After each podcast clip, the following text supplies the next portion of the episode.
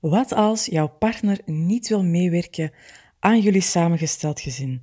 Wat als hij of zij niet zijn schouders zet onder jullie relatie, niet oppakt wat hij of zij in jouw ogen zou moeten oppakken? Met andere woorden, wat als het lijkt alsof jij er helemaal alleen voor staat? Welkom op mijn podcast Harmonie 2.0, een podcast voor ouders, stiefouders en koppels die echt een shift willen maken in hun samengesteld gezin. En deze vragen over een partner die niet wil meewerken, die krijg ik echt met regelmaat van de klok gesteld. Ik vind het een heel boeiende vraag waar uh, verschillende dingen over te zeggen zijn. Dus ik wil er in deze aflevering graag mijn licht over laten schijnen. Er zijn twee ideeën die ik je uh, wil meegeven en waar ik mijn antwoord aan wil ophangen. En het eerste idee is het volgende. Een samengesteld gezin kan alleen maar gedragen worden door de twee partners. Met andere woorden, het is niet één partner die al het werk te doen heeft en de andere die maar uh, ja, er met gekruiste armen bij zit, er naar kijkt en dat dan ineens plots out of the blue de harmonie en de verbinding en het plezier en het geluk door de ramen en de deuren naar binnen stroomt. Dat gaat niet gebeuren. Dus het zijn de twee partners die, die, we nodig hebben om een samengesteld gezin in goede banen uh, te leiden. Wat niet wil zeggen dat je uh, alles zal krijgen wat dat je wil, maar dat is wel wat er minimaal nodig is. Dus stel je bijvoorbeeld voor, jij bent degene die op zoek gaat naar informatie, die deze podcast luistert, al mijn webinars volgt of oefeningen uit een online programma maakt. En jouw partner die wil daar niet van weten. Of jouw partner die wil niet praten over wat er bij jullie thuis gebeurt. Of uh, hij of zij kapt een gesprek af door te zeggen: Het is nu eenmaal zoals het is, er is niks aan te veranderen, er is geen oplossing. Dat is ook een partner die zich eigenlijk, ja, die niet de schouders onder het samengesteld gezin zet. Het zit ook in de partner die uh, bijvoorbeeld in de rol als ouder uh, bijvoorbeeld afhaakt of lijkt af te haken en de kinderen maar waar laat begaan. En hen laat wegkomen met een aantal uh, dingen. En dan, gaat het in, dan heb je het in, in, in dit stukje echt over hele basic dingen. Hè. Um, soms over de hele lijn, soms enkel als het over het samengesteld gezin gaat. Ik hoorde zo onlangs bijvoorbeeld een verhaal over een vader die wel heel erg aanwezig en betrokken was als het ging over de studies van zijn kinderen, daar echt wel iets in vroeg van hen, grenzen aangaf, hamerde op discipline en wat weet ik allemaal. Of ook als het bijvoorbeeld ging over oefenen voor uh, de muziekschool, maar dat als het ging over ja, de basic regels in huis, liet hij het wat hangen. Dus als zijn kinderen bijvoorbeeld de partner negeerden of als ze zich aan een aantal basic regels niet hielden, dingen die voor hen eigenlijk heel duidelijk waren afgesproken, zoals de borden afruimen of de konijnen eten geven, eh, dan, dan gebeurde er niks. En wat ik dus wil zeggen is, je hebt de twee partners nodig om je schouders erachter te zetten, dan wordt het heel erg moeilijk vanuit jouw rol als stiefouder, om dan op jouw eentje daar iets aan te gaan doen, dat kan eigenlijk niet. Ander voorbeeld, want het is niet altijd de ouder die uh, steken laat vallen, het kan ook de plusouder zijn. dat hij zoiets heeft van, kijk, uh, partner, hoe dat jouw kinderen doen, uh, dat is niet normaal, ik heb last van hun rommel, en ik wil pas terug mij engageren, ik wil pas terug met jou praten of ik wil pas terug uh, jouw kinderen aanspreken. Als jij eerst met jouw kinderen uh, het oppakt of als jij gaat nadenken over je opvoedstijl en wat er dus eigenlijk dan gebeurd is, de stiefouder heeft er last van, maar neemt geen enkele verantwoordelijkheid, sluit de rangen en heeft zoiets van het is nu aan de anderen om er iets uh, aan te gaan doen. Hè. Alsof, dat, dat, uh, of dat je dan, alsof dat je dan als persoon een beetje buiten spel staat en, en, en gewoon de observator mag zijn. Dat gaat niet gebeuren. Dus er zijn twee partners nodig om het geheel te dragen.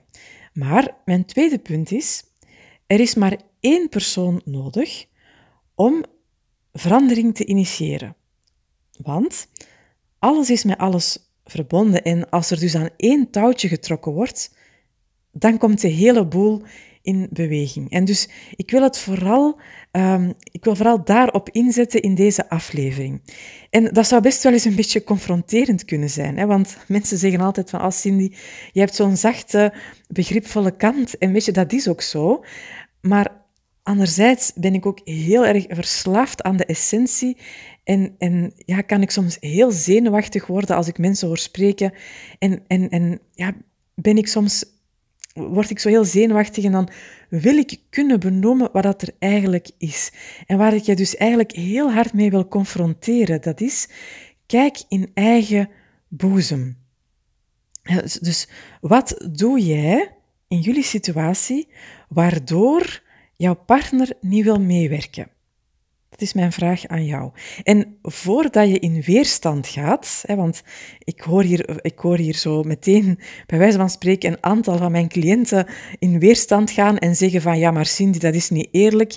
Hè, zij laten het afweten en nu ben ik degene uh, die in eigen boezem moet kijken. Als dat een gedachte is die uh, in jou opkomt, weet dan dat dat een normale gedachte is, maar weet ook dat dat het belangrijk is om te zien dat het dus blijkbaar in jouw eigen belang is dat er iets verandert, want jij hebt ergens last van en blijkbaar slaag jij er niet in uh, om de andere in beweging te krijgen, hè, om je partner niet in beweging te krijgen. En dus is het heel belangrijk dat jij in eigen boezem gaat kijken. Dat is dus puur uit eigen belang dat ik je dat aan uh, beveel. En dus een vraag die je zelf zou kunnen stellen om te beginnen is, klopt jouw vraag wel? Met andere woorden, verwacht jij geen dingen van je partner die eigenlijk niet realistisch zijn. Stel je voor, uh, ja, je bent een stiefouder en uh, de kinderen van jouw partner die, ja, die doen anders tegenover jou dan tegenover jouw partner en jouw partner doet daar niks aan. Ja, het zou best wel eens kunnen dat de reactie van de kinderen eigenlijk op zich een normale reactie is en dat jij iets verwacht dat niet realistisch is. Dus wees er zeker van dat wat jij vraagt, dat je dat eigenlijk wel kan vragen. En dat is zo een eerste ding waar dat ik je over wil laten nadenken. En een tweede uh, punt hier, als het gaat over kijken in eigen boezem, dat is dat wij, en dat is ook, vind ik wel, des mensen, we hebben zo de neiging als we ergens als we deel uitmaken van een verhaal, van een situatie, om enkel onze kant van het verhaal te zien. En we maken in ons hoofd heel vaak analyses en, en, en, en we, we, zien het patroon en we denken van ja, dat is wat er hier gebeurt. Dus bijvoorbeeld, patroon dat hier heel vaak uh, opgeroepen wordt, het is niet het enige, maar om je te inspireren, dat is, stel je bijvoorbeeld voor dat jij degene bent die uh, betrokkenheid mist in je relatie of wederkerigheid. En ja, je vindt het dus logisch van jezelf dat omdat jij die betrokkenheid mist, omdat jij verbinding mist, omdat jij precies wat, wat buitengesloten wordt, vind je het logisch dat je eigenlijk boos bent. En, en, en zie je dus niet dat hoe dat jouw boosheid mee um, het zwijgen of het, of het hakje in de stand zetten van je partner in stand houdt. Of zelfs, al uit je jouw boosheid niet, hè, dan nog, weet je, een partner, die, is, die kent jou heel goed. Jouw partner kent jou heel goed. Er is heel vaak heel veel afstemming tussen partners. Dus zelfs al zeg jij niks, ook niet op de vraag als jouw eh, partner vraagt van hey schat, is er iets? En jij zegt nee, nee, er is niks. Dan nog kunnen partners soms eh, van kilometers ver zien, er komt stoom uit ehm, mijn partner zijn of haar oren. Dus we zien niet altijd dat hoe onze houding bijdraagt aan de reactie van de partner. Dus stel je bijvoorbeeld voor dat je betrokkenheid mist, dat je eigenlijk boos bent, en dan zie je bijvoorbeeld niet hoe dat jij alleen al in je hoofd neerbuigend naar je partner kijkt, je partner bij wijze van spreken neersabelt, en dat het dus eigenlijk ook geen wonder is dat jouw partner zwijgt, omdat hij of zij voelt van ja, in, in de ogen van mijn partner voldoe ik eigenlijk niet. En dus is het ook logisch dat hoe meer dat jij staat te roepen, hoe meer dat jouw partner zich terugtrekt. En hoe meer dat je partner zich terugtrekt, hoe meer dat jij dus staat te roepen in de woestijn. Dus als het gaat over kijk in eigen boezem, kijk dan eens of dat je van op een afstandje naar het geheel kan kijken. Kan je eens kijken van wat doe jij precies in jullie interactie? En probeer dus eens verder te kijken dan jouw gevoel van uh, onrecht dat je aangedaan wordt of van uh, waar dat jij vindt dat de andere tekort in schiet. Maar probeer ook eens echt naar het andere, de, de, de andere kant van het verhaal te kijken. En misschien nog een interessant weetje. En ehm, dat is, en, en het, is, het is een weetje, ik heb even getwijfeld van, goh, zou ik dat nu vertellen of niet? Want het is niet iets dat in alle situaties opgaat, maar wat ik wel heel vaak zie gebeuren, en even natte vingerwerk, laat ons zeggen, in 70 of 80 procent van de gevallen, uh, is het zo dat de partner die niet meewerkt, heel vaak de ouder is. En dat het dus heel vaak in, en dat is echt een ruwe schatting, hè, dus op basis van, van de dossiers die ik begeleid in mijn praktijk, zie ik heel vaak, niet altijd, hè, dus er zijn uitzonderingen op, en dus in het begin van deze podcast heb ik een aantal uh, voorbeelden ingesproken, hè, waar, waar dat ook de, de stiefouder wel zegt van, uh, ik werk niet mee, maar dus heel vaak is het de stiefouder die als eerste of als enige last heeft van iets en die dat dus wil aankaarten, maar de ouder die niet wil meewerken. Waarom niet? Omdat de ouder degene is die tussen twee vuren zit. En wat dus ook belangrijk is, dus probeer dat hele plaatje te zien en probeer ook de taal van je partner te spreken. Dus probeer bijvoorbeeld aan je partner uit te drukken, in plaats van dat je enkel kritiek hebt op de opvoedstijl of uh, op het gebrek aan opvoeding of, of uh, gedrag naar de, naar de ex-partner of wat weet ik allemaal. Probeer eens te benoemen aan jouw partner dat je ziet van, goh, zou het kunnen dat jij tussen twee vuren zit en dat, dat je daarom uh, zo snel een gesprek afkapt of zegt van, er is hier geen oplossing en, en, en dat je daarmee de rangen sluit. Dus dat, dat zou een poging kunnen zijn die jij kan ondernemen om je partner aan de praat te krijgen. En nogmaals, hè, van, je kan zeggen van waarom moet ik al het werk doen? Het is verdorie wel mijn partner uh, die zijn kop in het zand gestoken heeft. Hoor me dat dan echt zeggen van het is in jouw eigen belang om dat slim aan te pakken. En een laatste idee, en dat is misschien wel het meest confronterende idee, en, en dat is altijd een beetje spannend als ik uh, aan mensen met dat idee op de proppen kom dat is de vraag van wat doe jij waardoor dat jij jouw partner ermee weg laat komen dat hij of zij niet meewerkt. dus ik ga ervan uit, jij brengt iets aan, iets waar jij last van hebt. Het wordt niet opgepakt, het wordt weggewimpeld. En wat, wat jij dus blijkbaar doet, is jouw partner daarmee uh, weg laten komen. En wat je moet weten is, uh, dat is iets dat ik ooit geleerd heb van, van een van uh, mijn leermeesters, een Amerikaanse uh, relatietherapeut, die zei van kijk, het is inderdaad zo dat soms om een betere relatie te krijgen, moet je die relatie durven riskeren. En wat er dus gebeurt, is dat ik soms zie dat mensen heel duidelijk voelen van er gebeurt hier iets, het gaat over mijn grens. En ze zeggen er iets van, er, er gebeurt niks mee. En dan, en dan laten ze het maar toe. Dus dan laat je met andere woorden over je grens gaan. Je laat het toe um, dat jij niet gehoord wordt. En dat is dus waar het schoentje wringt. En en natuurlijk, ja, dat is een moeilijk gebied, hè, want ja, weet je, deze podcast die, die heet natuurlijk niet voor niks Harmonie 2.0. Want dat betekent natuurlijk ook dat 1.0, daar zit geen harmonie. Dus als jij gewoon zit te mopperen en, en bijvoorbeeld aan je moeder of aan je collega's of aan vrienden en vriendinnen zit te vertellen hoe ongelooflijk dat je partner niet meewerkt, maar je laat dat ook toe en je laat je partner ermee wegkomen. Met andere woorden, ehm, je, gaat, je gaat zelf uiteindelijk wat conflictvermijdend je opstellen, ja, omdat je dus dat conflict niet wil en omdat je die crisis eigenlijk niet aan kan, ja, daarmee ga jij dus bijdragen aan die status quo. Dus de vraag is, waar ligt jouw grens en kom je er ook voor op en ben je bereid om, als je het anders wil, een conflict uit te lokken? En dat klinkt misschien heel vreemd om dat vanuit mijn mond te horen van hey, lok eens conflicten uit, maar ik denk dat net door, geen, door de conflicten uit de weg te gaan, ga je uiteindelijk een heel conflictveld genereren. Dus bijvoorbeeld in mijn leven, stel je voor dat als mijn stiefkinderen bijvoorbeeld mij klaar en duidelijk negeren, mijn partner is daarbij, die doet er niks mee, die lacht het wat weg, ja, dan is het zo dat heel specifiek in mijn geval, voor mij, dat zo wezenlijk is, dat ik daar geen water bij de wijn over wil doen.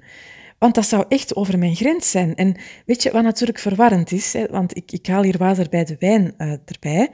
Uh, natuurlijk is elke relatie geven en nemen. En geen enkele relatie is alleen maar zoals jij het wil.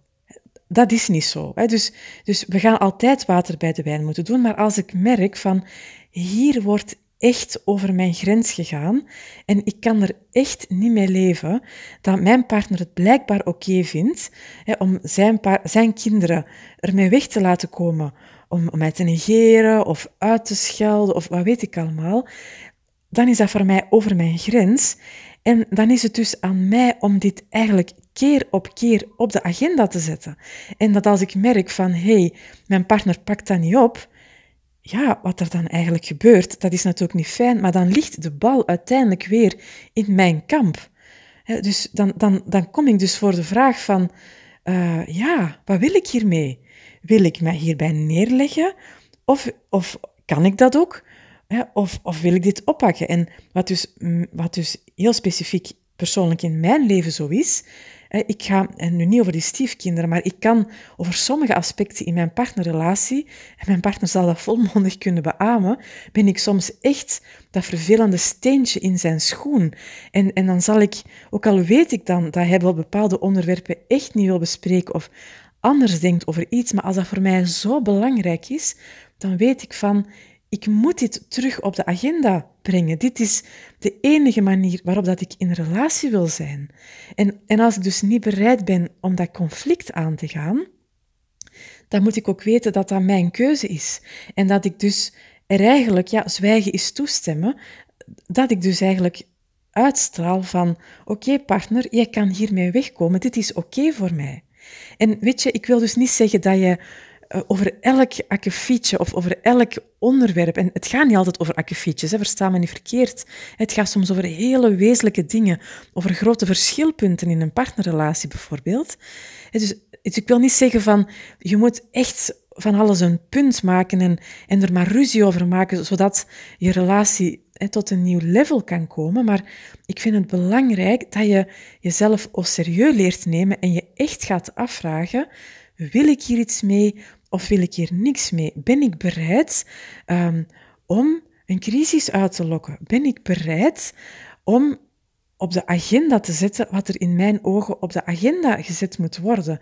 Durf ik het conflict aangaan? En, en echt vanuit het idee, niet van ik ben de, de onruststoker of de, degene die op alle slakken zout wil leggen, maar vanuit het idee van als ik gelukkig wil zijn, als ik um, op een andere manier in relatie wil staan, ja, dan ga ik dus met mijn conflictvermijding, al was het een mopperende conflictvermijding, dus niet heel ver komen.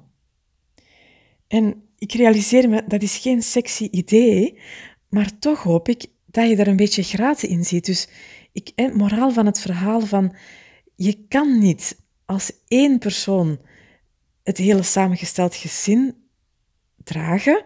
Het is belangrijk dat je daar met beide partners de schouders onder zet. En als jij op dit moment merkt van ik ben op een terrein of over de hele lijn degene als enige die eraan wil werken, dan wil ik dus dat je in eigen boezem gaat kijken en je gaat afvragen, waar kan ik iets veranderen? Waar heb ik bijvoorbeeld te zien, ik heb mijn verwachtingen los te laten? Of waar heb ik water bij de wijn te doen?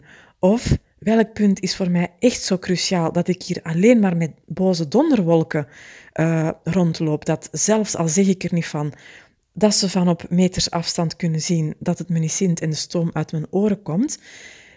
En kan ik dat dan aanbrengen?